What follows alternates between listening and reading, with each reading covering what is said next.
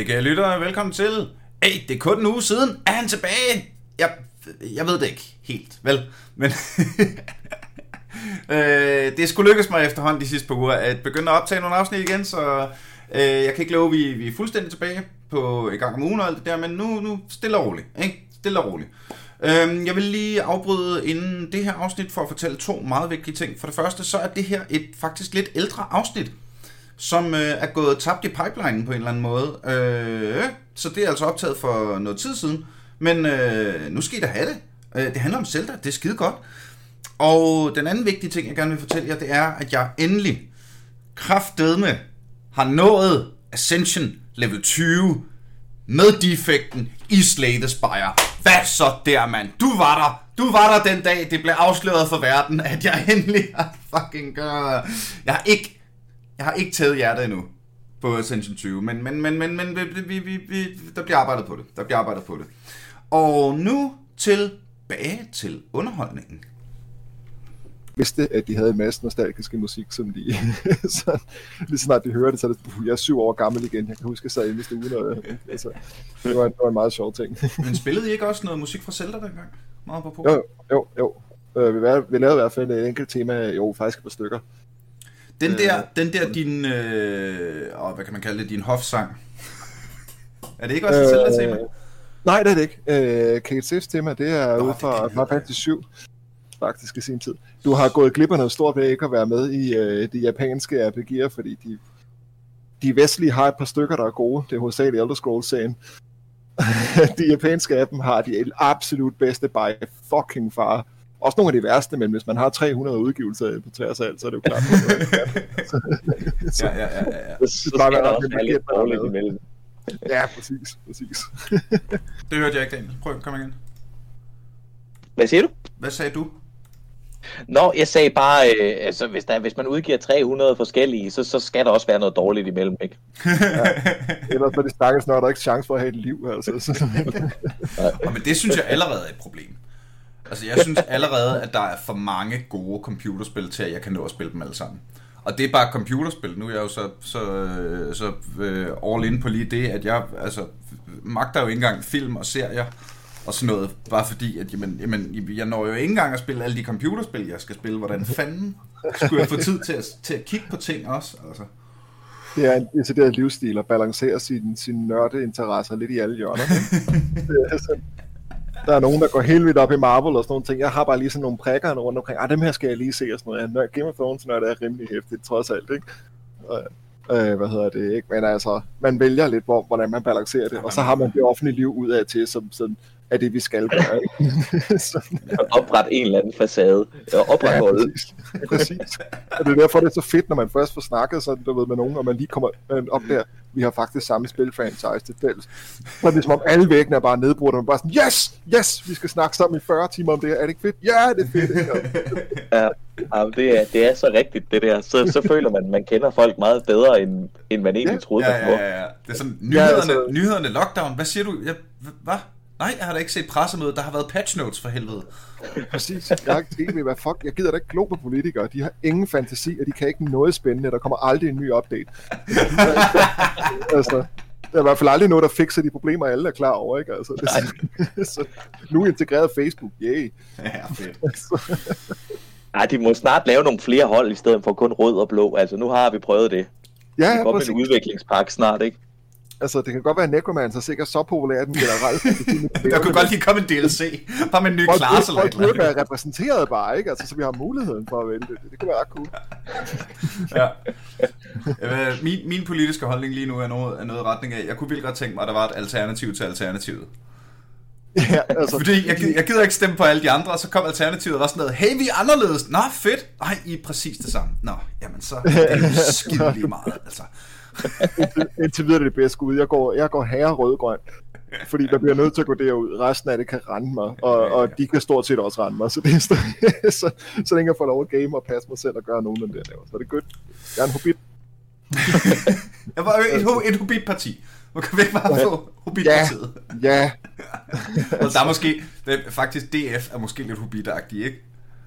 Jo, ja, men, men Der er sådan noget, vi skal spise det rigtige mad, det skal være hyggeligt, vi skal helst ikke rejse nogen steder hen, der skal helst ikke komme nogen fremmede. hvis, vi, hvis vi bare kan fortsætte, som det har kørt de sidste 600 år, så kunne det være rigtig fint. Hvis de bare lige havde ægte menneskelige værdier i deres kerne, og ikke bare en masse fremmedhed og en egen klub, så, øh, så, så ville det være der. Det ville være der. Nå, men øh, og på den note, velkommen til Aldrig FK.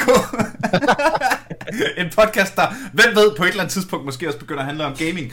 Og i dag har jeg øh, usædvanligt godt selskab her i studiet. Rigtig hjertelig velkommen, Bjørn Petersen og Daniel Buk.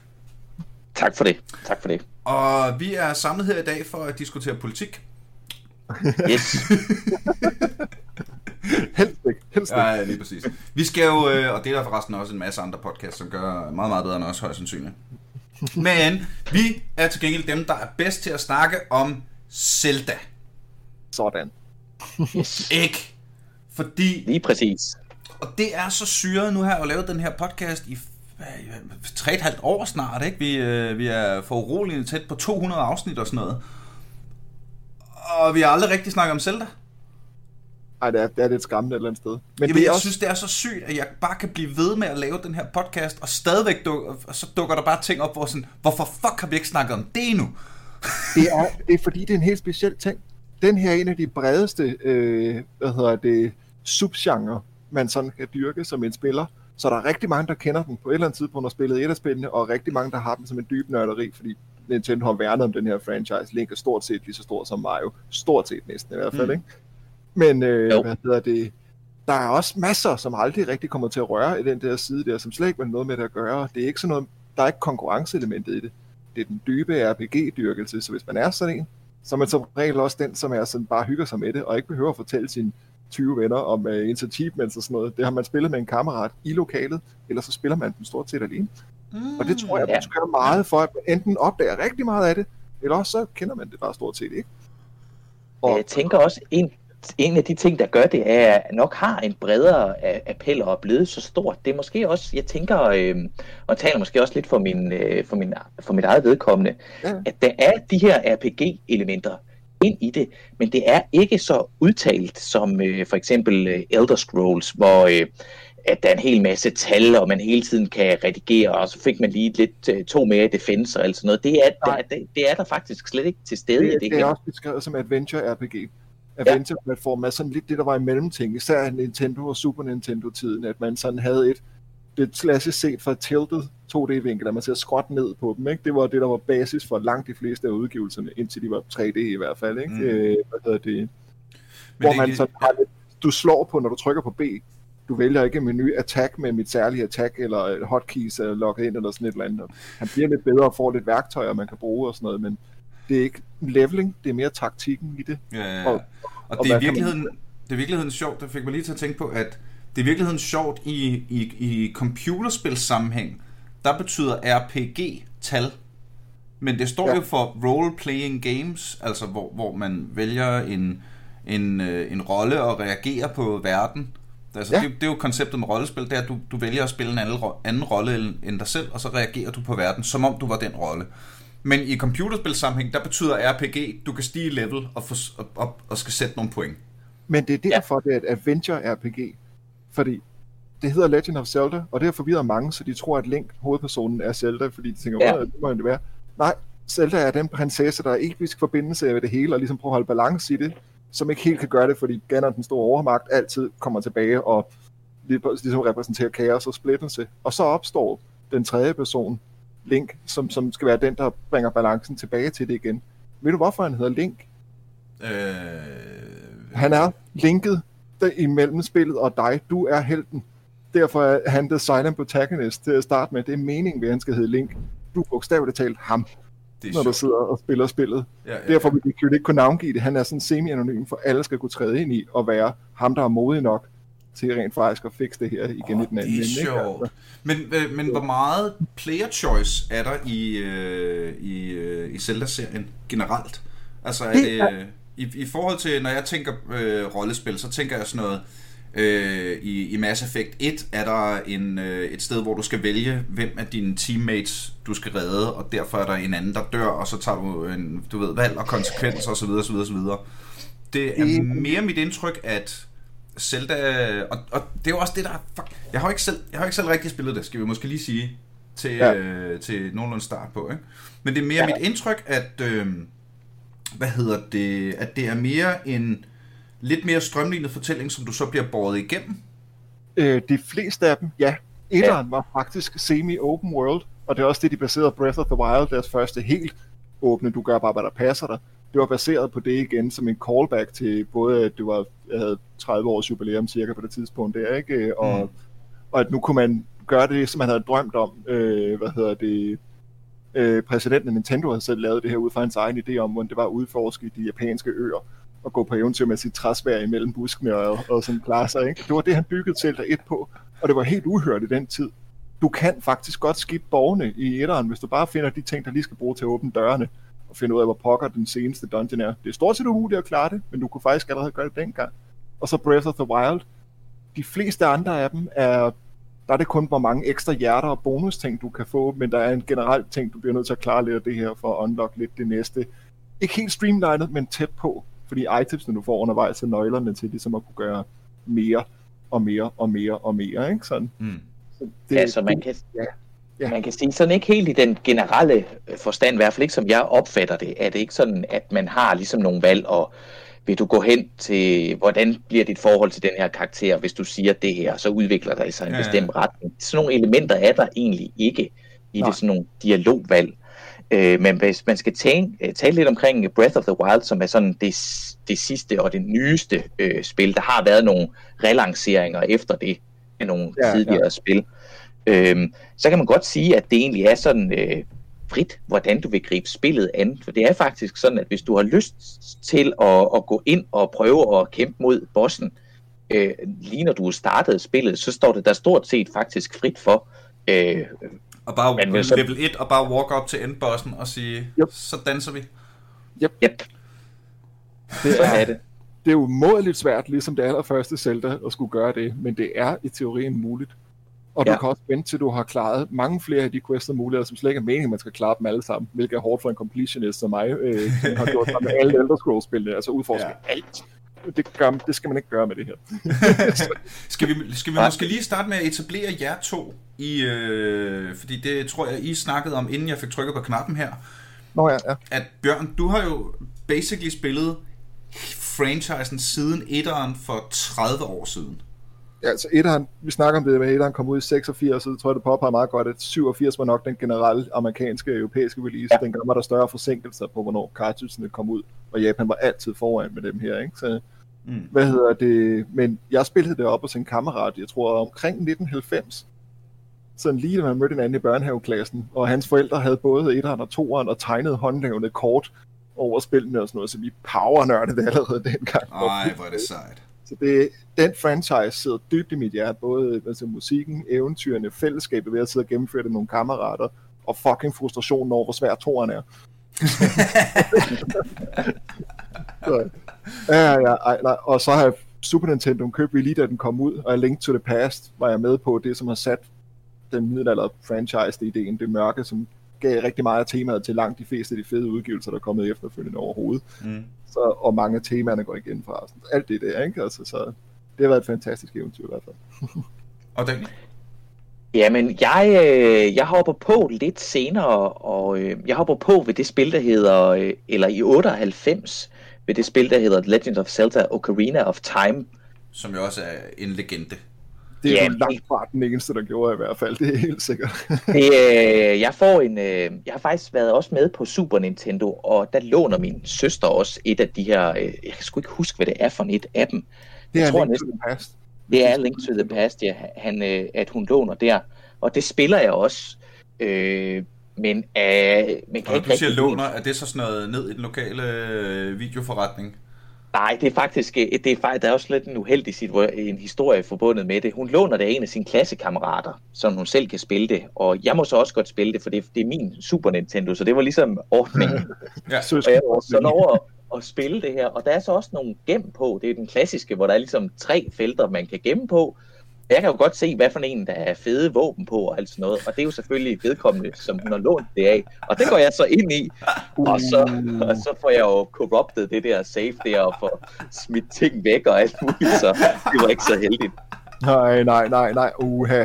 Det er sådan det, det big no-go dengang, ikke? Det er hårdt nok at skulle Ja, det er sådan noget. Okay, du godt låne mit spil. Du skal ikke røre min save. Save 3 det er min, okay? Det er save 3. Ja, ja. præcis. Præcis sådan der. ja, så det var ikke så godt. Øhm, men jeg har så senere spillet... Øhm, jeg har selv anskaffet mig en... Øh, hvad, den hedder vel bare Nintendo Entertainment System, altså den første ja. Nintendo, og ja. får så købt også uh, Legend of Zelda, det her spil her, der udkommer i, ja, i 87 her, herhjemme, hvor også har prøvet det. Og øh, som vi også talte om tidligere, det, det minder meget om det her Breath of the Wild, det her med, at der er ingen tutorial til, hvordan man gør noget. Altså, du bliver bare smidt ud på dybt vand, og så må man finde ud af, hvad der er op og ned i den her verden her.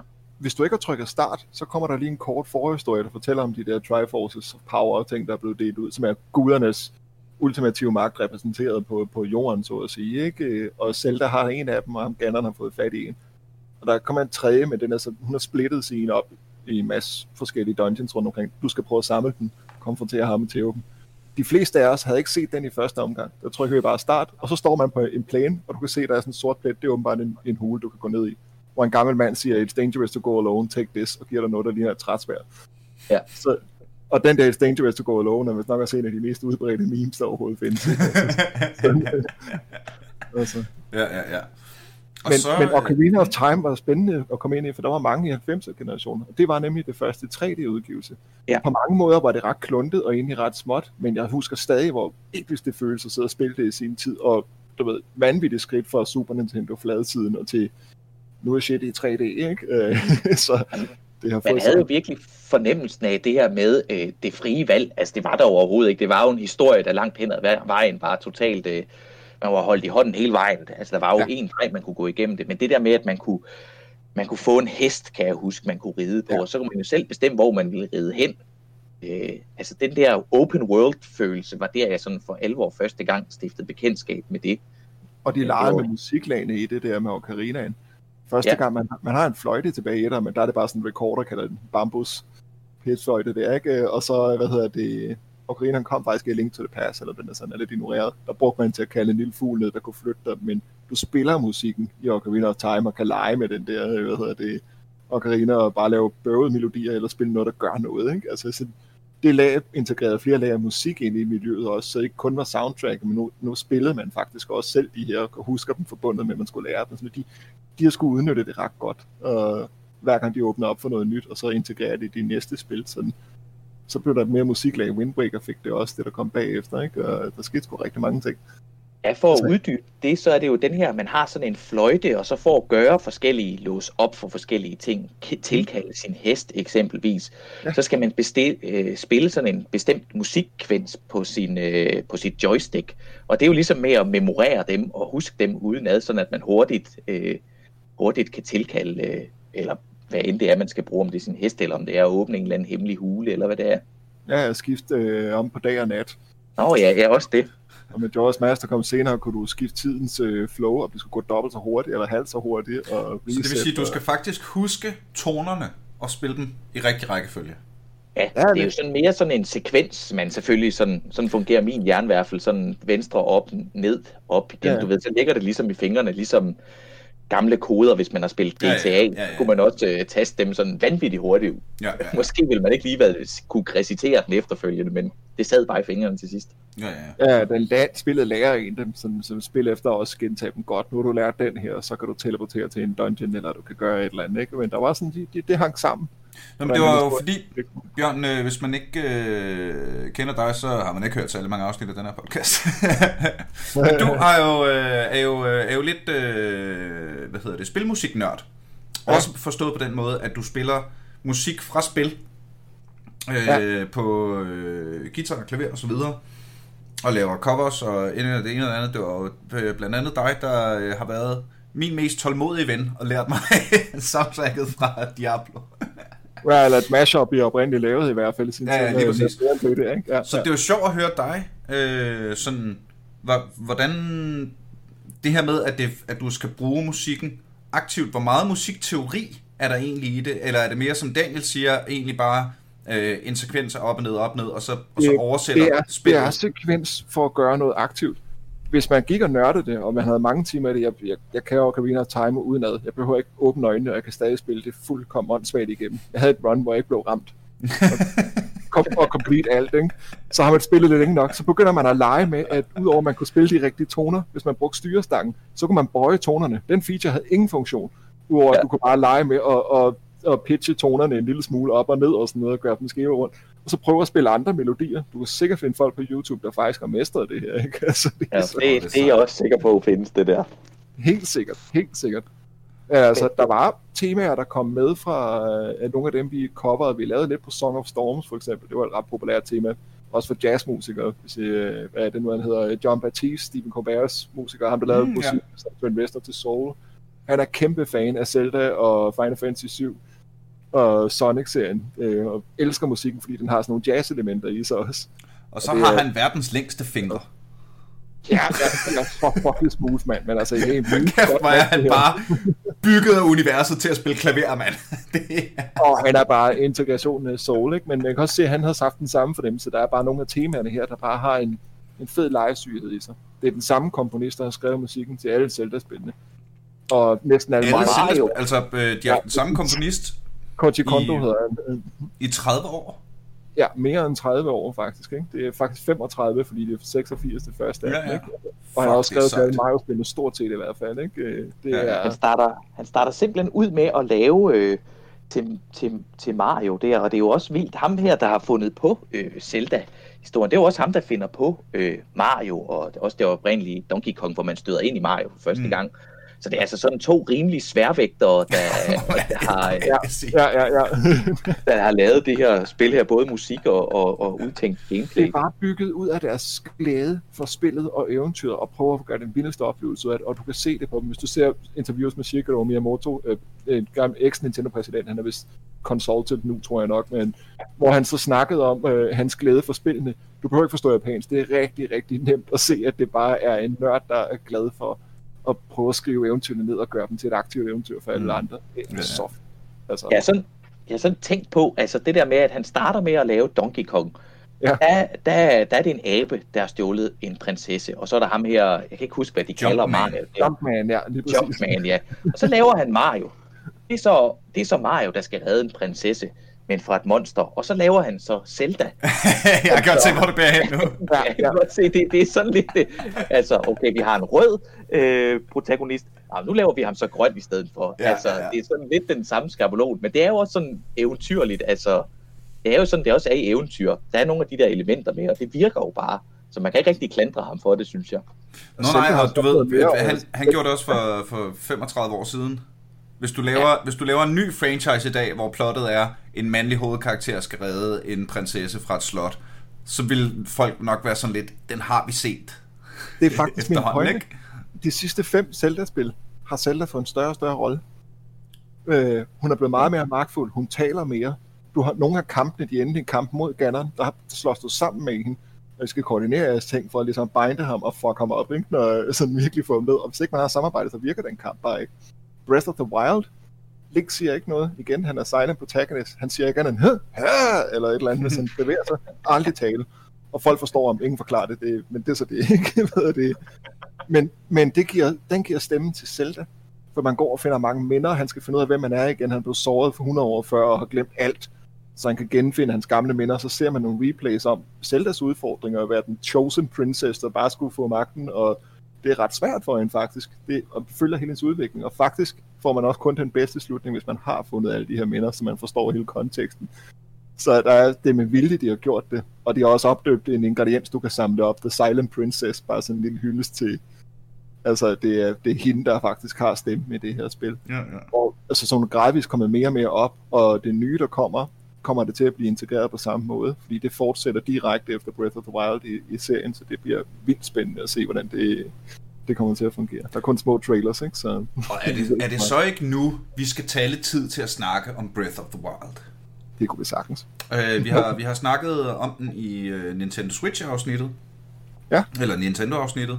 Men øh, men ikke nok, tydeligvis. altså, fordi det, det igen, nu har jeg øh, set, øh, nu har jeg set blandt andet dig, Bjørn, spille noget Breath of the Wild, mm. og så videre. Det, øh, det, det er mit indtryk, at Breath of the Wild var sådan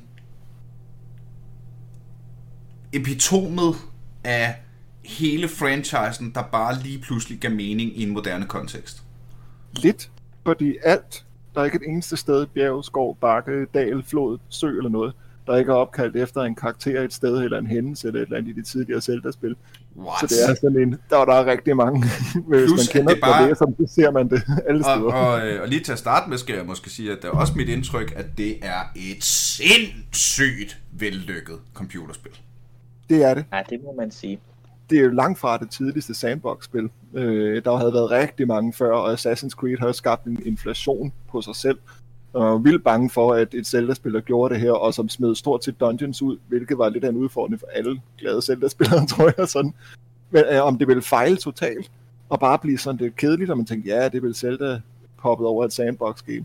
Men i stedet havde de bare givet det så meget kærlighed, og udsat det næsten to år, fra der, hvor de var rimelig sikre på, at de ville udgive det, fordi de blev ved med at putte lidt mere kærlighed i det, og en af de store glade udviklere bag ved det døde faktisk lige inden de udgav det, og så de ændrede nogle ting, gav noget til ham og sådan noget til ikke? Øh, men det blev bare så smukt, og det har ikke travlt, det, har, det er æstetisk rart, der er masser af Zelda puzzle elementer i det, der er sådan lidt af det hele, og man kan mærke, at dem, der har lavet det, bare elsker det. Altså. Og sådan som jeg, jeg forstod det, så var det jo meningen, at det faktisk skulle ligesom have været øh, Wii U's, altså den, der var øh, ja. øh, Switchens øh, forgænger. Det skulle ligesom være dens svane sang, kan man sige, at det ligesom var meningen, de skulle gå ud med den. Mm. Men ja. så fordi den her bliver, øh, det bliver hele tiden udskudt, så kommer det til at passe med, at det også kan blive udgivet til, til Switchen, i hvert fald sådan mere eller mindre simultant, ikke i stedet for som det sådan, ja. som jeg tænkte var, var tiltænkt egentlig fra starten. Var oprindeligt gamede vi det også på Wii U, øh, da det endelig var kommet, fordi øh, det min daværende medbassist i Play and Play, det er også en stor samler. Og han købte den faktisk i sin tid, fordi han ville have Breath of the Wild til den. Så altså, den, den var okay at spille andre spil på, men det var med sådan lidt af en harme, man bare tænkte, ah, please, man kan ikke snakke om det. De turde heller ikke, ikke udgive den til Wii U, det var helt sikkert, ikke? Ja, ja, ja. Jamen, shout til Køs. Ej, for satan, mand, det var... Det det, var, det var hårdt, men det var også nogle fede timer, man så endelig kom ind. Og den der måde at have integreret, at man brugte touchscreen nede på den, det lignede meget det, de har haft succes med DS'en. Øh, med, og der var kommet rigtig mange udgivelser, som jeg stort set ikke kendte, fordi i Europa er der folk, der havde DS'en. I Japan er det en meget stor ting. Der er næsten ingen, der har hjemmekonsoller mere. Det var grunden til, at de valgte at gøre Switchen til sådan en håndhold bærbar gå rundt ting. Så det skulle være noget, man kunne tage med sig, det her eventyr. Ikke? Mm. Men det virkede bare så godt at have sådan en switch-skærm, du kunne sidde med hernede på hånden, og have en op på skærmen, have styr på dit kort og inventory og sådan noget. Det var et dejligt lag af elementer, der faktisk virker rigtig godt. Det kan jeg godt sætte mig ind i, fordi det bliver lidt sådan, altså det er jo et, et, et, et forholdsvis stort spil, det her. Og det her med at skulle finde hoved og hale i det, altså der kunne jeg godt have brugt sådan en, et permanent kort, jeg kunne sidde og kigge ned på i hvert fald. Det har ikke skadet, tænker jeg. Nej, præcis vel. Var det lidt øh, ligesom, øh, altså, øh, hvor, hvor, hvor pivringen Fallout 4 var på nogle planer. Så var der jo ja. øh, den der super grineren ting med, at du kunne downloade en app, og så blive din telefon til din Pip-Boy. Jeg gjorde det for sjov skyld, og så satte den fast på min arm, bare fordi det var lidt sjovt. Bare det Men altså, hvis det kunne lave alle de der fede features over Fallout 3, så havde det været et rigtig godt spil, men 4 var... Øh, Øh, det, var, det, var, altså... det var nemlig det, jeg var bange for, der ville sket i Zelda-franchisen Breath of the Wild. At man havde haft så meget travlt med at skulle vise et eller andet, at man kiggede på det, og lige snart man kiggede tæt på, så ville det føles som fluff. Ja, og der at, var jamen, Fallout, Fallout, 4, Fallout 4 var all style, no substance. Mhm. Sygt mange grinere ting, men med en øh, dårlig historie, simpelthen. Dårlig historiefortælling, uh, altså, og, og, og det var ligesom det, der, det, det virker som om det lykkedes er Breath of the Wild det perfekte spil? Nej, det er svært. Det vil jeg tror jeg er svært at give noget Zelda-spil, fordi alle sammen har lært lidt af hinanden og har lidt sine forskellige typer fortællinger og stilarter, og derfor vil de også altid have nogle forskellige favoritter, og det spil, man spiller, da man kommer ind i franchisen, har man en tendens til at foretrække noget i den mm. stil. Mm. Fordi Wind Waker øh, var et separat, der kom til Gamecube med Nintendo 64 og deroppe igennem. Ikke? Øh, det var meget cartoony lavet, Og det, det var virkelig mærkeligt for mig, for jeg var vant til den dystre middelalder cataclysm, ting var ved at gå under, link mod alt. Ikke? Øh, mm. Her var det helt omvendt. Det var allerede sket. Verden var oversvømmet, og du lever bare sådan et tiny cartoon world med cell shading, så det er meget blødt, det er meget mildt og rart at se på. Link er mere drenget og mere udtryksfuld i ansigtet. Det viste sig at være et vildt godt spil, når man egentlig spillede det igennem, men jeg skulle ligesom mange andre lidt over det der en modstand mod, øh, det virkede sådan helt anderledes tema stemningsmæssigt i, i lang tid i hvert fald. Ikke? Mm. Men, ja. Og der er jo ikke dungeons med Breath of the Wild, det er en svær en for langt de fleste, fordi det var faktisk en fed ting i Zelda-franchisen. Der er altid dungeons med udfordringer, puzzles og ting. En skat, du skulle få, der gav dig mulighed for at tæve bossen, eller i hvert fald kunne gøre noget federe nogle andre steder, så der hele tiden var sådan et flow imellem dem. Der er virkelig meget frihed i Breath of the Wild, så du kan gøre ting, det er ja. virkelig præcis, jeg, jeg tænker både, at øh, hvis, man hvis man skal som en kommentar på det der med det perfekte øh, spil der, så tænker jeg nemlig også det der med, at både den her frihed her og det, det perfekte spil, det skulle også appellere til, til alle. Og jeg, jeg tænker, det er både, øh, altså man skal ville spille det. Altså det er ikke et spil, der sådan på den måde giver ved dørene, Breath of the Wild, fordi at man netop ikke bliver holdt i hånden. Og der er ikke nogen lige vej hen til, hen til målet. Og det er, jo, det er jo også virkelig fedt, fordi det gør jo også, at jeg kan gå igennem spillet på min måde, som jeg har lyst til. Og øh, ja, jeg gider ikke tage den her øh, quest her, eller hvad. Nu går jeg ind og prøver øh, lykken og ser, om jeg ikke kan klare øh, sidste bossen. Øh, og der kommer rollespilselementet måske ind, hvis vi vender tilbage til det der med player choice øh, som, et, som et koncept i rollespil. At det måske mere... Ja. Altså, fordi der, der er det jo, at hvis vi siger, at link er linket mellem dig, øh, og hele ideen med rollespil er jo også immersion. Mm. Ikke? At det ja. her med, at du lige pludselig siger, men nu er det mig, der tager beslutningerne. Og det er det virkelig. Ja. I Breath of the Wild ja, det er, det. er det rigtig meget det. Du kan blive bedre til teknikker, du kan lære en masse ting, men alt er mere, mere usable. Der er meget færre permanente ting, som Master Sword er symbol på det. Jeg har en replika af det hængende på min væg, og som en kæmpe nørd, ikke? men altså, det var symbolet på, når Link, han lige klarer de tre ting, der definerer ham, nu er du helten, nu har du det her, det er the power to repel evil, bogstaveligt talt, ikke? og gøre meget mere derfra. Det behøver du ikke engang. Det er rigtig ja. godt, og det er virkelig fucking godt svært, at det er noget spændende quest med at gøre det, og få restaureret kraften til det og sådan noget, men det behøver det ikke. Du kan sådan set bare samle en masse kæppe og gå ind og kaste dem efter bossen. Bogstaveligt talt. Ikke? Altså det, her, det kunne du sagtens, hvis det var det, du havde lyst til at gøre. Det er jo ret fedt. Jeg fik faktisk min kæreste med på at spille det, som slet ikke kender franchise, og jeg er sådan lidt, hvor bare lidt sim spiller, lidt casual spiller, lidt lol, og sådan lidt over det, all over the place, ikke? Men så så hun, øh, altså, der er for det første heste med, hun kunne næsten genkende stilart, og man skal selv tæmme dem. Og så lige pludselig, så, så når jeg var ude, så sendte hun lige besked og sådan, vi har fået Master Sword, eller vi har fandme lige klaret en boss, og jeg var sådan, yes, sådan der. sådan. Når man først bliver slugt af æstetikken, og man sidder i sit eget lille stueværelse, hvor man bare hygger, og man har tid til det, og ikke tænker på instant rewards, så skal man bare lige en lille ting, og lige pludselig er man på eventyr. Ja, og det er sådan, det er, det kæft, hvor er det pænt også. Sådan virker alle Zelda-spillene. Øh, men det er i hvert fald en det er en god en. Den hjælper med, med, med at finde sin måde at blive glad for eventyret. ja, det er meget det der med, at man, det er ikke et spil, man lige kan, at jeg tager lige en halv time af Breath of the Wild. Det vil simpelthen ikke føle, føle fyldstgørende nok. I hvert fald ikke for mig. Det er Zelda-spil, faktisk. nej, nej, det er rigtigt. Det er ikke nok til det simpelthen. Altså, man skal, man skal have noget tid til at, at fordybe sig i det før at det giver mening, og for at det giver den her belønning, at man føler, at man kommer ind i det, og man lever sig ind i den her karakter her. Ja, øhm. hvad sker der over bakken, og sådan der også øh, soundtrack udviklet lidt. Prøv lige at se den solnedgang der. Sådan, hvad er det her for en dungeon? Og lige pludselig så er der gået to og en halv time, tre timer. Og hvor er det fedt, at der også er, fordi i, i, i spilverdenen lige nu, er der jo meget fokus på instant gratification, ikke? Ja. Det er derfor, så mange computerspil slutter så pisse kedeligt. Det er fordi alt øh, udviklingen og alt juicen bliver skudt af i starten, fordi at spiludviklerne godt ved, at langt de fleste spillere spiller et spil i 4-5 timer. Altså øh, sådan nogle øh, completionists, som, øh, som jeg ved, du er, Bjørn. Hvordan, hvordan er du, Daniel? Med, ja. er, er du completionist?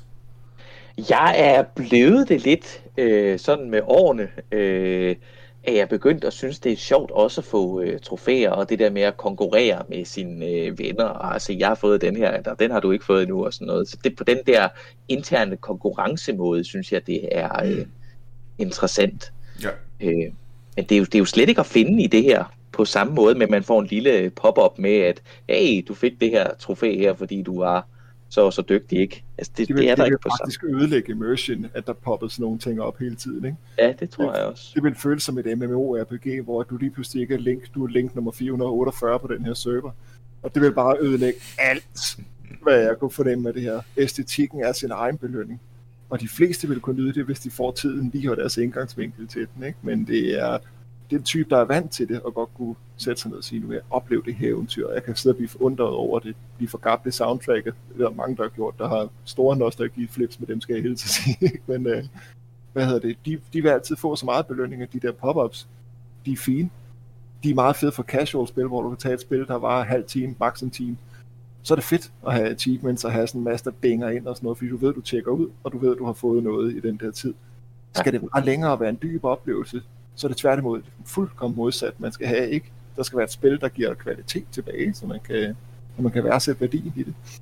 Men det, hvis vi lige øh, kan, kan vende tilbage til, øh, bare lige kort til Fallout-franchisen, det var jo også en ting, jeg oplevede, da jeg spillede den der øh, berømte, famøse Fallout 4, ikke? fordi jeg har været med fra franchisen helt fra de allerførste, og hele vejen igennem, og det har altid været sådan, at power armor var den hellige gral. Ja, Det plejede i alle andre spil, var det sådan noget, først skulle du opdage, at The Brotherhood of Steel findes. ja, Så skal du finde deres hemmelige base. Så skal du få dem overtalt til, at du skal få lov at være med. så skal, du lære at bruge power Ja, ja, så skal du igennem hierarkiet, indtil du får træningen til at overhovedet kunne tage en power armor på, og så derefter kan du måske få lov at gå i power armor. I Fallout 4, der har du en, din første power armor inden for 20 minutter. Ja. Det er en del af main questen, at du lige går herhen, bum, bum, bum, bum, bum, og så står der en power armor med en minigun, ikke? Ja. Det var sådan Så, det var øh, en panikerklæring et eller andet sted, ikke? At vi, vi er bange for, at vores gammeldags rollespilselementer er for langsomme. Men så bare sådan, hold jer inden for jeres lane et eller andet sted. Det har været meget bedre at gøre det sundt, og så lave et action-baseret sidewinder, et andet Fallout-verden, hvor vi laver mere konkurrence. De lavede det der Fallout 79, hvad det hed. Det, det kunne have haft de der elementer, hvor man blev introduceret hurtigt til det, Mm. og man kunne fjolle rundt, fordi det ved man, folk gør, når det er åbent lidt alligevel. Det, Men det var lige så meget bare for at sige, hvor er det fedt med en hel franchise, der selv i en verden, hvor andre franchises går hurtigt, bum bum bum, pay off lige med det samme vejen, holder fast i den der stedige, jamen, jamen jeg, jeg, jeg, jeg var så vild med den sætning, du sagde, æstetikken er belønningen i sig selv. Ja, Altså, man kan også... Ja, undskyld Bjørn. Nej, jeg tror, jeg tror altså, man, kan, man kan føle den, når man først får sat sig med den, og der er ikke nogen personer, der ikke er typen, der kan det. Der er masser af personer, der er vant til instant gratification, så de, det er ligesom folk, der siger til mig, at jeg kan ikke meditere. De siger, jo, jo, kan du godt, men du er jo ikke vant til at komme over det der fartbom der, så det kommer til at føles vildt irriterende, og slet ingen gratification, indtil første gang det lykkes. Så begynder det at være en helt anden ting, en helt anden oplevelse, at man lige slår ned og lægger mærke til alle de der små detaljer der, ikke? Altså, det er to gaming modes, meget forskellige modes, vil jeg sige, men jeg synes, alle bør belønne sig selv med at tage noget kvalitetstid med et spil. Så I, gerne er Zelda-franchisen eller lignende, det er helt sikkert. Ja.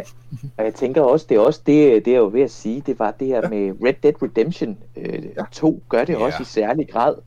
Ja, Altså, der, der kan man også godt lave noget sådan noget fast travel, men altså langt hen ad vejen, så skal du virkelig ride, og du bliver, altså, spillet tvinger dig til at være inde og tage den her lange tur. Altså, man bliver tvunget ind i den her immersion her, som man jo kalder det. Øh, Ja. Og det er egentlig det samme, der gør sig gældende for, ja, det, jeg vil næsten sige alle øh, Zelda-spil egentlig, at man skal øh, den her måde her at komme tykke sig igennem spillet og, og være i det, og ikke bare sådan fra A til B på den øh, hurtigste måde, og mm. der kan jeg lige fast travel hen, og så bum, Smage på det undervejs. Ja, præcis, ja. Hvis du endelig havde fast travel, så har du gjort et eller andet, der unlocker, at du kan komme tilbage til et sted, men så har du været den manuelle vej Ja. for at finde det i hvert fald, ikke? Det er helt sikkert. Så. Men det er også lidt, er øh, det, det ligger så op af, hvad du sagde tidligere, Daniel, det der med, det skal spilles i store bidder. Ja. Du skal ikke skynde dig. Nej. Du skal ikke tænke, jeg kan lige nå. Jamen, så, så, så er du allerede i det forkerte mode, virker det som om. Ja, Ja, man mås- ikke, mås- måske kan du starte med det. Så kan du sådan, du ved, så fanger det dig. så kan du så glemme dit ansvar og bare blive siddende og spille selv. Jeg skal lige, og så lige pludselig, så var det så 10 ting senere, du lige har fundet ud af, at du lige skulle.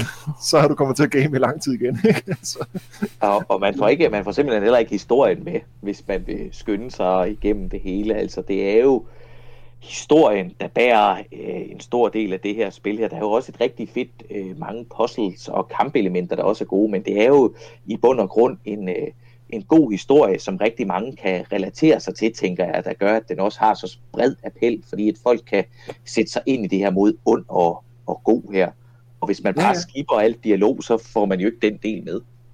Så bliver det et, et lidt mærkeligt spil, men det er okay et eller andet sted. Ikke? Men i stedet så har der været så mange spil nu, hvor det har gentaget sig og skiftet form, været fra forskellige vinkler, at der er kommet kronologier, mytologier, alternative tidslinjer for at prøve at forklare, hvad der sker i den her legende, hver gang den trigger.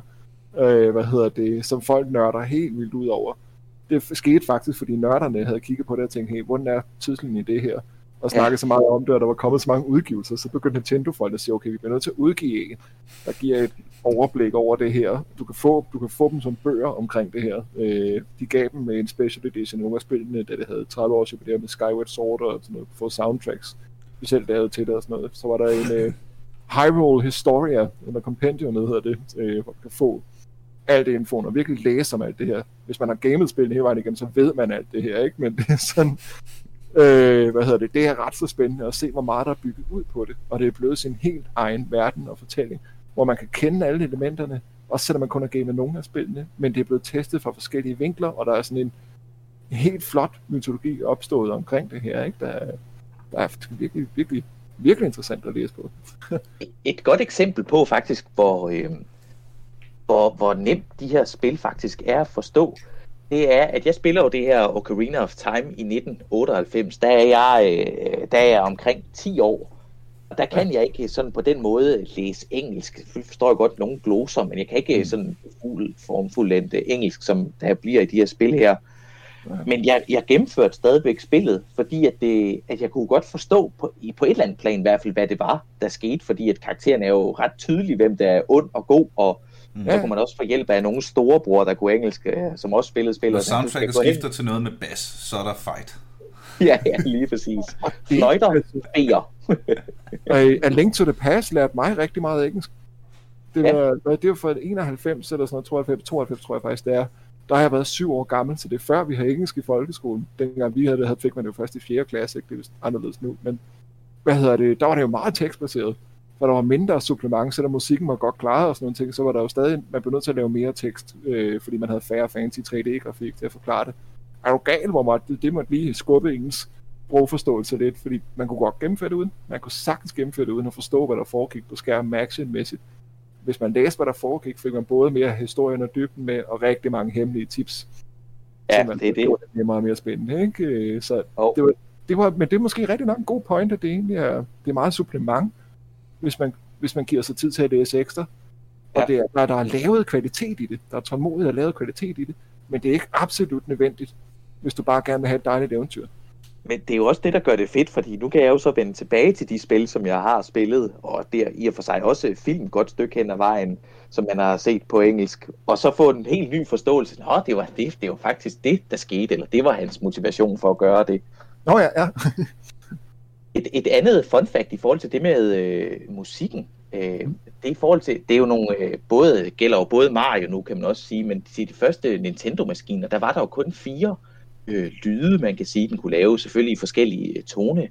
Ja, ja. Øh, men alligevel, at de har kunne få så mange ikoniske øh, melodier, som folk stadigvæk kan nynne, og det gælder både Mario, som sagt, og Zelda, ud af så lidt. Altså, det synes jeg også er, er virkelig øh, bemærkelsesværdigt. Øh. Det var faktisk ret vildt, men altså man siger også, at øh, især for komponister, at begrænsninger er det bedste, du kan gøre for dig selv hvis du har fire instrumenter, og du må ikke lave andet inden for dem, eller det skal være inden for den her ramme, lige pludselig skriver man meget bedre med det, man har, i stedet for at drukne i alt for mange muligheder. Ja, men det er jo, det er jo, det er jo en helt generel ting for, hvis jeg må, lige må tage komiker og kreativ hatten på, øh, de der kreative benspænd, det er også noget, som forfattere gør, og digtere gør, for mig. For mange muligheder. For, altså, ja, ja. Hvis jeg skal sætte mig ned og skrive jokes, nu, øh, der kan du jo også snakke med her, Daniel. Hvis jeg, skal ja. sætte, hvis jeg får at vide, skriv nogle jokes, så er jeg sådan lidt, øh, men hvis der er en, der siger, skriv nogle jokes om chihuahuaer. Åh, oh, chihuahuaer! Helt sikkert, mand. Så kører vi, ikke? Mm. Ja, man kan også drage en parallel til Netflix, ikke? Altså, når vi skal se en film, så åbner man Netflix, og så har man et uh, bibliotek på flere ja, tusind film. Og så er det så svært at vælge. Hvis man nu siger, at vi skal se en bestemt genre, altså, så bliver det jo langt nemmere, fordi man har indskrænket, ja, ja, ja. hvad man den, den, i. Ikke? Den kører jeg. Men, men ja. det, dermed ikke, øh, dermed, det siger jeg ikke for at prøve at tage noget fra hvor pisse imponerende det er at lave catchy musik med fire toner. Nej, altså, at det, det er fire toner, man kan lave nogle twist på, men det var stærkt begrænset, hvor meget der var med chippen. Nintendo-chippen, og især Super Nintendo-chippen, Philips udviklede det øh, musikmæssigt, men de var faktisk meget bedre end mange af de konkurrerende maskiner.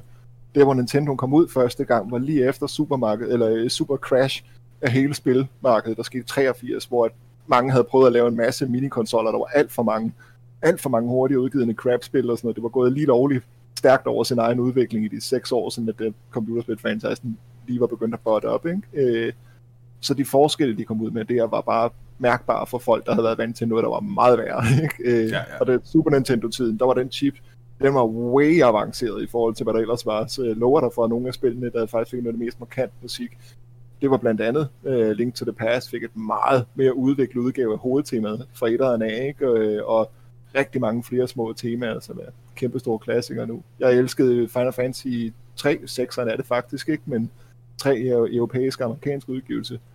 Der har han skrevet, som om det er et symfoniorkester, han har skrevet musik til dem. På til en fucking chip på, på sådan et kassettespil et eller andet sted. Ikke? Det siger noget om, hvor meget lag de havde, og bare pres ned i det. Og at det så er mega stor fan af melodisk mål. Øh, tonarten og skivestilen. Ikke? Det, er, det, giver, det giver nogle, øh, nogle gode knapper at trykke på naver i for folk, der, der vil have noget følelsesmæssigt indhold i det, og noget, man husker lang tid ad gangen. Musik, teoretisk øh, twitches, ikke? Med, hvorfor vi piller ved folks hoveder, når de hører musikken. Det ved de her japanere virkelig noget om. der er faktisk en, en, en, en historie, øh, der går på, at der, der ham her Koji Kondo, som han hedder ham her, der både har skrevet til Mario og også til Zelda, at øh, han beder nogle programmører om at prøve at få, altså han har de her fire lyde her, men han får mm. faktisk nogle programmører til at, at lo, få låst op for en ekstra port til den. En port, der egentlig skal bruges til lyd, øh, sådan noget lydeffekter, når man for eksempel slår og alt sådan noget. Ja. Den får han også lov til at bruge til nogle af hans, øh, øh, nogle af hans stykker i det her.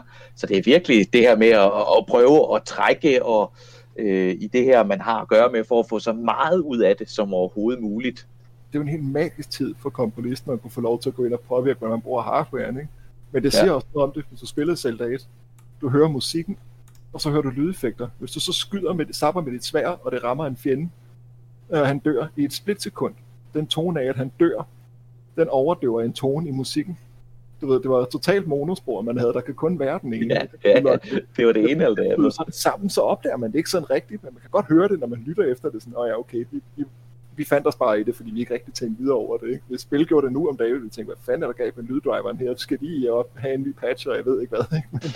Men dengang, der var det bare sådan, altså, man var imponeret over, hvad de prøvede ned over dem. Og det er jo også, som du selv siger, sindssygt kreativt, at de har kunne være, gøre det fleksibelt på den måde, så man lige fik en ekstra dimension af noget, som chippen egentlig ikke burde kunne leve op til, og spillet burde stødt på en kæmpe udfordring med at gøre, ikke? Altså, det, jo, jeg tror heller ikke, man må på den måde øh, længere gøre det, sådan gå ind og, og trække på andre dele af hardware. Altså, I dag har du heller ikke brug for det. det. Det vil de overhovedet ikke give, fordi efter Playstation-tiden, der, den ændrede det, at man gik op og havde CD-kvalitet, så kunne man begynde at indstille noget, der faktisk lød som instrumenter, hvor mange stadig brugte MIDI, men det begyndte at blive rigtig symfoniorkester, man kunne spille musikken i, hvis man havde lyst til. Der var lag nok. Men det er også noget med, nu lavede, nu lavede vi jo et afsnit øh, om computerens komponister, og det er jo noget med, at teknologien fra PlayStation 4 til PlayStation 5, lydteknologien, går fra, nu kan jeg ikke huske tallene, så nu slynger jeg noget ud. Hør afsnittet for, øh, for, øh, for referencer. Men det var noget med, at, at, at der før var 80 musikspor, og der nu er 2000. Eller sådan noget. Ja, okay. der, der, der er et eller andet i teknologien fra 4'eren til 5'eren i forhold til lyd, der er gået sådan fuldstændig eksponentielt gennemtaget. Det giver mening, fordi... Altså, så, så, så jeg, det var bare for at sige, i dag tror jeg ikke, at øh, lydkortet behøver ressourcer fra grafikkortet. Det er også fordi, de bliver lavet virtuelt. Altså, øh, du kan bare gemme det i hukommelsesklynger, og så har du udtrykskanalen. Det var det, var en stor fysisk hindring i de gamle af dem, ikke? At bogstaveligt talt, den her chip har nogle kanaler, den kan levere på. Nu laver vi det i så mange lag, at det er en eksponentiel faktor, det vil sige, at det altid bliver så stort, at du ved, når man laver rendering af musikken, så er der mange, mange kanaler, den kan laves i, og kvaliteten af, af instrumenterne og hvordan de bliver lavet og indspillet udtryk er bare så meget bedre. Så Ja. Det giver ikke mening at sammenligne hardware med software rendering nu, vel? Fordi sådan, det er helt sindssygt, hvad man kan lave i sammenligning. Altså. Har, der, har, der, øh, har der været et dårligt Zelda-spil? Øh, ja. Svært at sige. Der, var der er jo sådan nogle, lidt sådan nogle øh, afstikkere jo også. Zelda 2 var den største afstikker, du ville kunne mærke. Det var i stedet for den der tiltede vinkel, så var det 2D sidescroller, der var umådeligt svært. Og jeg mener ikke bare så lidt svært, men sådan abnormt svært, for nu skulle du hoppe over fjenderne, du kunne ikke gå udenom dem. Og det var sådan noget med, at de skulle blokere højt og lavt, og du kunne hoppe op og stikke. Du kunne gøre en masse fede ting, men det var fuldkommen utilgiveligt svært. Det mindede rigtig meget om øh, de sværeste Castlevania-spil på mange måder, med mindre forklaring og meget mere random action. Så det var sådan virkelig, virkelig svært. Det var fedt at prøve at gennemføre det, men det, det gav lidt lidt forklaring og lige lovlig meget udfordring. Så Ja, men det er godt, hvis man er glad for Zelda-franchisen. Hvis man er en ny, der prøver at spille den igennem, så vil jeg ikke nødvendigvis påstå, at det er en god idé at udsætte sig selv for den tortur, det er at prøve at gennemføre toren. Der er øh, også det, det der Links crossbow training. Øh... Nå ja, okay, dem regner jeg ikke engang med som reelt Zelda-spil. Det Nej, det er det jo nok egentlig heller ikke, men det, det er jo sådan, det er, det, det er jo i, i samme, det er jo i hvert fald Link, man styrer her. Ja. Øh, men nej, det har jo som sådan ikke noget med, med det her at gøre. Det er jo egentlig bare en, en sådan skyde-simulator-agtigt, kan man vel kalde det. Ja, og ligesom Hyrule Heroes er, det er sådan en combat-spil, så hvor meget kan og du kan spille som de forskellige kamp, øh, hvad hedder det, karakterer, sådan i et, et lidt Smash-agtigt, øh, ligesom Nintendos havde deres All-Star Battle-spil, der hed Smash, Smash Brothers Melee, mm. Super, whatever, ikke? Der dig mod fjenderne, prøve at klare en masse udfordringer, få nogle high scores, den fornemmelse. Så nogle afstikker var der et par stykker af, men generelle udgivelser, nej, så har de været gode til at bruge deres platform. DS-spillene har også været rigtig fede. Øh, Phantom Hourglass, for eksempel, og hvad det hedder, Spirit Train, og der er også Seasons, og der, der er nogle forskellige... Minish Cap. Minish Cap, det var faktisk ret hyggeligt. ja. Hvad hedder det? Jeg har først spillet dem senere. Jeg har fundet dem sådan lidt hen ad vejen, fordi jeg ikke rigtig havde så meget DS. Men i alle tilfælde har de været gode til at benytte og tænke over, hvilken platform man spillede på, og egentlig tilpasse det rigtig, rigtig godt og give et godt selveventyr. Stadig meget modelleret ud fra den, der kom i etteren og Link to the Past 3'eren. Det er ikke øh, tiltet vinkel meget af tiden, lidt 3D, men det virkede bare rigtig godt. De, de har taget det sådan fornuftige valg til at tænke, hvordan får vi eventyroplevelsen ud af det. Det er kernen i Zelda-spil, og det må bare du ikke være for uden. Altså. Så. Og hvor mange er der sådan 22 eller 21 sådan selvstændige titler, hvis man øh... ikke tæller genoptryk med? Vi er ved at være deroppe, når jeg tænker over det, så er der i hvert fald Hvor er det sejt. Der er rigtig mange sidespil, og altså for et spilfranchise, der har levet så længe, og så stort, og har mange udgivelser, og så store forventninger, så er det ret vildt, at der er så lidt skuffelse efter 35 år. Det, jeg kender ikke nogen anden franchise, der have overlevet det, uden at have lavet minimum 50% skuffelser. altså, og det har stadig været okay, for det er, mange, det er mange år, mange udgivelser. Altså, så det, det, det er egentlig ret vildt. Det er den her integritet her, de har over for sig selv. Altså, ja. øhm, selvfølgelig er de lydhøre over for, hvad folk også gerne vil have, men det er ligesom også den vision, deres vision, som stadig står forrest, synes jeg. Altså, de har noget, de gerne vil vise til folk, og vil vise, hvad de har lavet. Øh, der er frem for... en japansk ære over for integriteten i historiefortællingen, ikke? Mario ja. kom heller ud til Android og smartphone-platformene, før, før indtil for nylig, de fandt ud af, lave noget Mario Kart og Super Mario Run, der faktisk var okay hyggelige. Jeg har både dem og Dr. Mario også. Zelda-spillene har de aldrig lavet noget udgivelse, der var tæt på at gøre, for de regner ikke med, at det vil leve op til deres standarder. Og jeg respekterer Nintendo sygt meget for at gøre det, for det er en så stor markedsfranchise, hvis de vil gøre det, men de vil bare ikke lave noget, der er et sellout. Det gør de ikke. De, som præsidenten af Nintendo sagde, et forsinket spil er jo er på et tidspunkt et godt spil et dårligt spil, der er udgivet tidligt, vil altid være et dårligt spil. Ja. Og det er kernen i deres øh, måde at være på. Alt det med Wii U, der de her bøvl med forsinkelserne her, i stedet for at fyre en masse folk, så gik præsidenten og hans top executives ned to halvdelen af deres løn for at betale for det her. Der er en integritet og en ære i Nintendo, som ikke findes i andre, men det er også et spilfirma, der er lidt over 100 år gammelt. Og det ja, er ikke... og man kan også... Øh jeg synes også, man kan se det på den måde, de også udgiver de konsoller, de laver. Altså man kan ligesom sige, der PlayStation og Xbox, det er sådan den samme maskine. De konkurrerer ligesom om de samme kunder, men Nintendos produkter, det er altid, øh, det er de egentlig ikke taber de ikke ind i på samme måde. De, det, er en, det er altid en unik maskine på en anden ja. måde. Altså, ja. De, de minder jo heller ikke om andre. De var Playstation igennem tiden, da de kom ikke. De vandt krigen, så de ejer Sega-spil nu, dengang da der, der var den der krig mellem dem. Men lige så snart vi var Nintendo 64 og det der frem, hvor det blev ved med at gå andre retninger og sådan noget, så har de eksisteret som et sidestykke. Alle kendte en, der havde den, og de er, det satte sig altid på spilbarhed med vennerne i lokalet, og gode eventyr, som du ved, der holder. Så uanset hvor glad man var for de andre, og jeg elsker de andre konsoller også, så er der altid en plads i hjertet til en Nintendo-konsol. Og det er også, jeg har ikke haft nogle konsoller i lang tid nu, jeg er blevet lidt mere PC-gamer og emulerer på smartphones og PC og sådan noget, ikke? så det er ikke været det samme. Men når jeg køber en igen, bliver det ikke en Playstation eller en igen. Jeg køber en Nintendo, fordi jeg ved, der er bedre kernekvalitet i den i længden. Det er den, jeg vil apropos, øh, apropos PlayStation øh, og PlayStation 5, Nils, har du mm. egentlig styr på, hvem der, hvem der stjæler din øh, kommende PlayStation 5 fra dig, eller? Nej, men øh, jeg er da sikker på, øh, hvis øh, Monte Carlo tager... hvis Monte Carlo skal have en play... Øh, ja. Jeg, jeg, jeg, jeg, jeg, jeg, nu kender jeg ikke Monte Carlo-drengene personligt, men jeg er overbevist om, at de ville sige ja til min PlayStation 5, hvis de fik muligheden. Øh, okay. Det vil de fleste nok, ikke? Der er, med den rush, der er kommet på den efterspørgsel, så er det sgu svært, ikke? Men selv da, hvis du havde givet mig... Ah, øh, men selv da! Selv da! Hold da, det tændte jeg hørte det godt lige der. men altså, hvis du så havde givet mig muligheden for at sige, øh, hvad hedder det, den næste generation af Switchen kommer, eller jeg fik et Switch med, med en del af de her titler, der var udkommet, eller en PlayStation 5, så er det ikke et svært valg. Ja, øh, PlayStation kan bogstaveligt talt rende mig den har ikke samme integritet. Jeg vil elske at spille på den, den har bare ikke samme integritet. Der, det, der er kernen og hjertet, man kan stole på, og det ved Nintendo. Mm. Det er så fantastisk. Og det har vi snart snakket om i en times tid, kære venner. Har vi det? Ja. Ja, holy. Ja, ja. I know. Fordi tiden flyver i godt selskab samtidig. Fucking vanligt, mand. Yep. Øhm, hvis vi skal prøve, og hvad, hvad, hvad forventer I?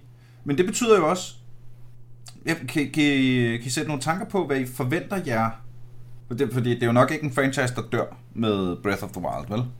Nej, det, Så hvad, det hvad, hvad, hvad forventer I? Øh, hvad, hvad ønsker I? Hvad kunne I godt tænke jer at, at opleve næste gang, eller længere frem?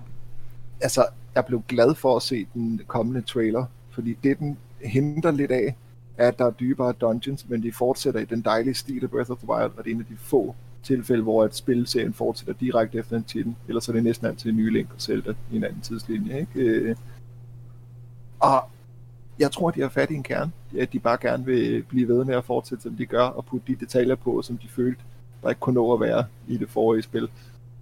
Eller at man laver noget helt nyt, og bare okay med, at så længe integriteten er der, så bliver det godt. Det har aldrig fejlet før, og jeg stoler på, at det bliver ved med at være det. Så hvad tænker ja, du, Daniel? Ja, jamen, jeg synes, øh, en ting, som jeg synes, der var mega fedt ved det sidste her, det var det her med de her episk store øh, boss battles, man var øh, ja. på. Øh, altså, det er sådan noget, ikke, man, man, man kravler rundt på ryggen af dem, og til start, man skal starte med at, med at komme tæt på ved at gøre en masse ting, og så skal man ind i dem og gøre en masse. Altså, det, det så, ja, episk er det rigtige ord. Mm. Ja, altså det minder lidt om, jeg mener nok, det hedder Ico, et gammelt PlayStation 2-spil, hvor man også kravler rundt på, øh, på sådan nogle store giganter. Eller Shadow of Colossus vil være ah, Shadow of Colossus, det er det, det er, ja. Lige præcis. Ja. øh, mere, af, mere af det, det kunne være ekstremt fedt. Altså nu har vi en maskine, som har noget mere ydeevne og, og kan trække det her. Så det synes jeg kunne være, øh, altså de her store landskaber, der kunne også godt være nogle rigtig store uhyre, uhyre i det, tænker jeg. Det kunne være fedt.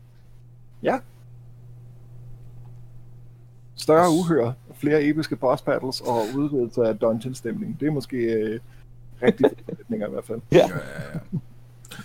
Øhm, hvis, man, øh, hvis man er ligesom mig og hører det her afsnit og aldrig har snuset til franchisen, hvor skal man starte i, i 2021?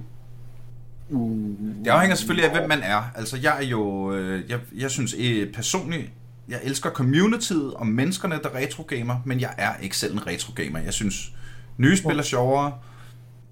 Mm. Øhm, hvis, hvis man er som mig, hvor starter man? Jeg vil sige uh, uh, Breath of the Wild og remaket af Wind Waker, for det også speedet lidt op på de ting, der kunne ja. gøre det lidt tungt, som man, du ved, det var føltes ikke tungt dengang, men det kunne godt føles lidt tungt, når man replayer det der. Øh, de ting har de sådan gjort lidt, lidt mere streamlined, og så er det et frisk eventyr, og på grund af, det var cel shading, så ser det stadig sådan rigtig nyt og flot ud. Mm. Lavet et rigtig godt HD remake af den i hvert fald. De to vil jeg synes, man skulle gøre, og hvis man begynder at synes, man kan lide det, så er der guld at hente i alle de andre udgivelser. Altså. Ja. Og øh, man kan også, øh, ja, det, det er jeg faktisk enig med i, og går man nogle skridt tilbage, bliver man fanget i det, så er, øh, så er der jo mange spil, der både er udgivet til Wii U og også Wii, som faktisk har en, en rimelig tilforladet grafik også, så man ikke føler, at man er sådan helt, øh, øh helt retro-gamer, øh, øh, med, hvor man kan se alle pixelsene. Øh, så der er stadigvæk meget godt at hente, uden man føler, at man skal øh, tilbage, øh, alt for langt tilbage i tiden. Ja, senere er Link to the Past udgivelser, og mange af dem er også nogle af de flotteste tematisk og farvemæssigt inden for, hvad de kunne dengang. Så hvis man godt kan lide det, der kommer den der 8-bit, 16-bit stil der, så er det den fedeste udgivelse af den, du kunne ramme. Ja. Men altså generelt, start med de lidt, øh, de lidt nyere udgivelser, der har fået rigtig fine remakes, og eller er Breath of the Wild, så at sige, som er sig selv bare er fint, ikke? Øh, så, så kan man sagtens få noget godt af det. Skyward Sword, hvis man vil være sådan lidt uh, casual spiller, af lidt samme grund havde jeg det sådan lige lidt løst med det, men det er relativt nemt at gå til, og ikke et særligt langt spil, for det var et tribute, på grund af, at de havde 30 års anniversary. Så det, det er en form for hyldespil til det, som er sjovt, hvis man har kendt det bag, baggrunden for det, og hvis man aldrig har spillet et Zelda-spil, så er det en lidt sjov måde at, at prøve det på, og så kan man få en lidt griner over det, hvis man igen går tilbage og, og spiller nogle af Zelda-spillene, og finder ud af, hvad det faktisk er starten til det spil. Men så vil jeg heller ikke sige mere om det. Jamen kære venner, så øh, tror jeg sgu det vil være en bombshell, vi, øh, vi lukker den på. Tusind tak, fordi I har lyst til at udvide min og mine søde lytteres horisont om, øh, om Zelda. Her til sidst i programmet vil jeg jo at lade mine gæster pitch, øh, pitche og plukke, hvis der er noget, øh, man ellers går og arbejder på, som man har lyst til at lave lidt larm omkring. Øh, Daniel, hvad går du og brygger på for tiden? Åh, jamen, øh, jeg er ved at faktisk at, at øh, lægge sidste hånd på en, en bog. Øh, og vi skal til at have den øh, ja, ud til nogle forlag. Det er sådan en faktisk også sådan lidt øh, rollespilsbog, kan man kalde det, og så alligevel ikke. Det minder lidt om svær og trolddom, Fedt. men så er det henvendt til, øh, til børn, der eventuelt har lidt svært ved at komme i gang med at læse og synes, det er fedt. Så der er både sådan nogle man støder ind i nogle, øh, nogle monstre og nogle kampe i det, men så er det også blandet med sådan lidt øh, danskfaglige opgaver, men maskeret som sådan nogle, nogle gåder ah, i stedet for. Ah, sejt. Jamen, øh, det, er, det er så sejt. Nu snakker, altså, nu snakker vi jo tidligere om, hvad hedder det, øh, om hvordan vi, øh, ja, den kan jeg også skrive under på, har lært meget engelsk gennem computerspil. Der er jo bare noget ved gamification og læring. Og hvis man synes, ja, det er spændende, ja. så kan man tage og høre afsnittet om øh, læring og gamification, som ligger et eller andet sted tilbage i øh, i hvad, hvad hedder bogen, og øh, hvordan kan man øh, følge med på eventyret? Jamen altså, som sagt, den, den hedder, den hedder Ildkongen lige nu, øh, og det er ligesom den onde. Og så skal vi jo, øh, hvis man følger mig på, på de sociale medier, jeg hedder Daniel Book 1 inde på Instagram, så vil jeg løbende holde øh, folk opdateret med, hvor langt vi er i den proces der. Skide fedt.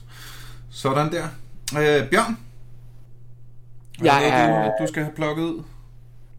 Nej, min Massørbæks kommer stille og roligt tilbage igen. Den er sgu godt for alle, og især jeg nørder, der også sidder gamet i rigtig lang tid og har glemt kroppen, fordi I lever i en virtuel verden derinde. I lover jeg for det. En forskel i hvert fald. Ej. Og så er jeg genoptage lidt musiklysten igen, så hvis der er nogen, der laver nogle små spilprojekter igen og har lyst til lidt samarbejde, lidt pitching, både med erfaring og skrive lidt musik til dem igen her, så er jeg kæmpe frisk på at lave det. Hvordan får man fat i dig, hvis man enten har brug for noget øh, nakkemassage eller en øh, sparringspartner ud i nogle mål-akkorder? Jeg er på Facebook og Instagram. På Facebook så er jeg bare Bjørn Petersen, Jannik Bjørn Petersen i parentes, og Instagram j underscore bjørn underscore p.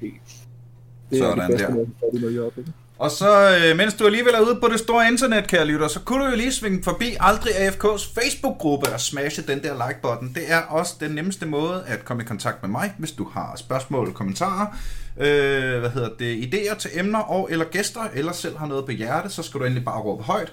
Og så nægter jeg kategorisk at lave et afsnit, uden at give shout-out til de vidunderlige mennesker, som støtter på tier.dk. Du er velkommen til at blive en del af klubben. Smid en 5 per afsnit, smid 5.000 kroner per afsnit. Det er fuldstændig op til dig. Øh, men så kan du i hvert fald være med til at bidrage til, at øh, vi kan gøre det her, som vi sidder og gør. Det er selvfølgelig ikke noget krav. Det eneste krav, jeg har, det er egentlig bare, at du bliver ved med at lytte, hvis du synes, det er rart. Og det kan du for eksempel gøre igen i næste uge, når vi en gang til er aldrig AFK. Pow!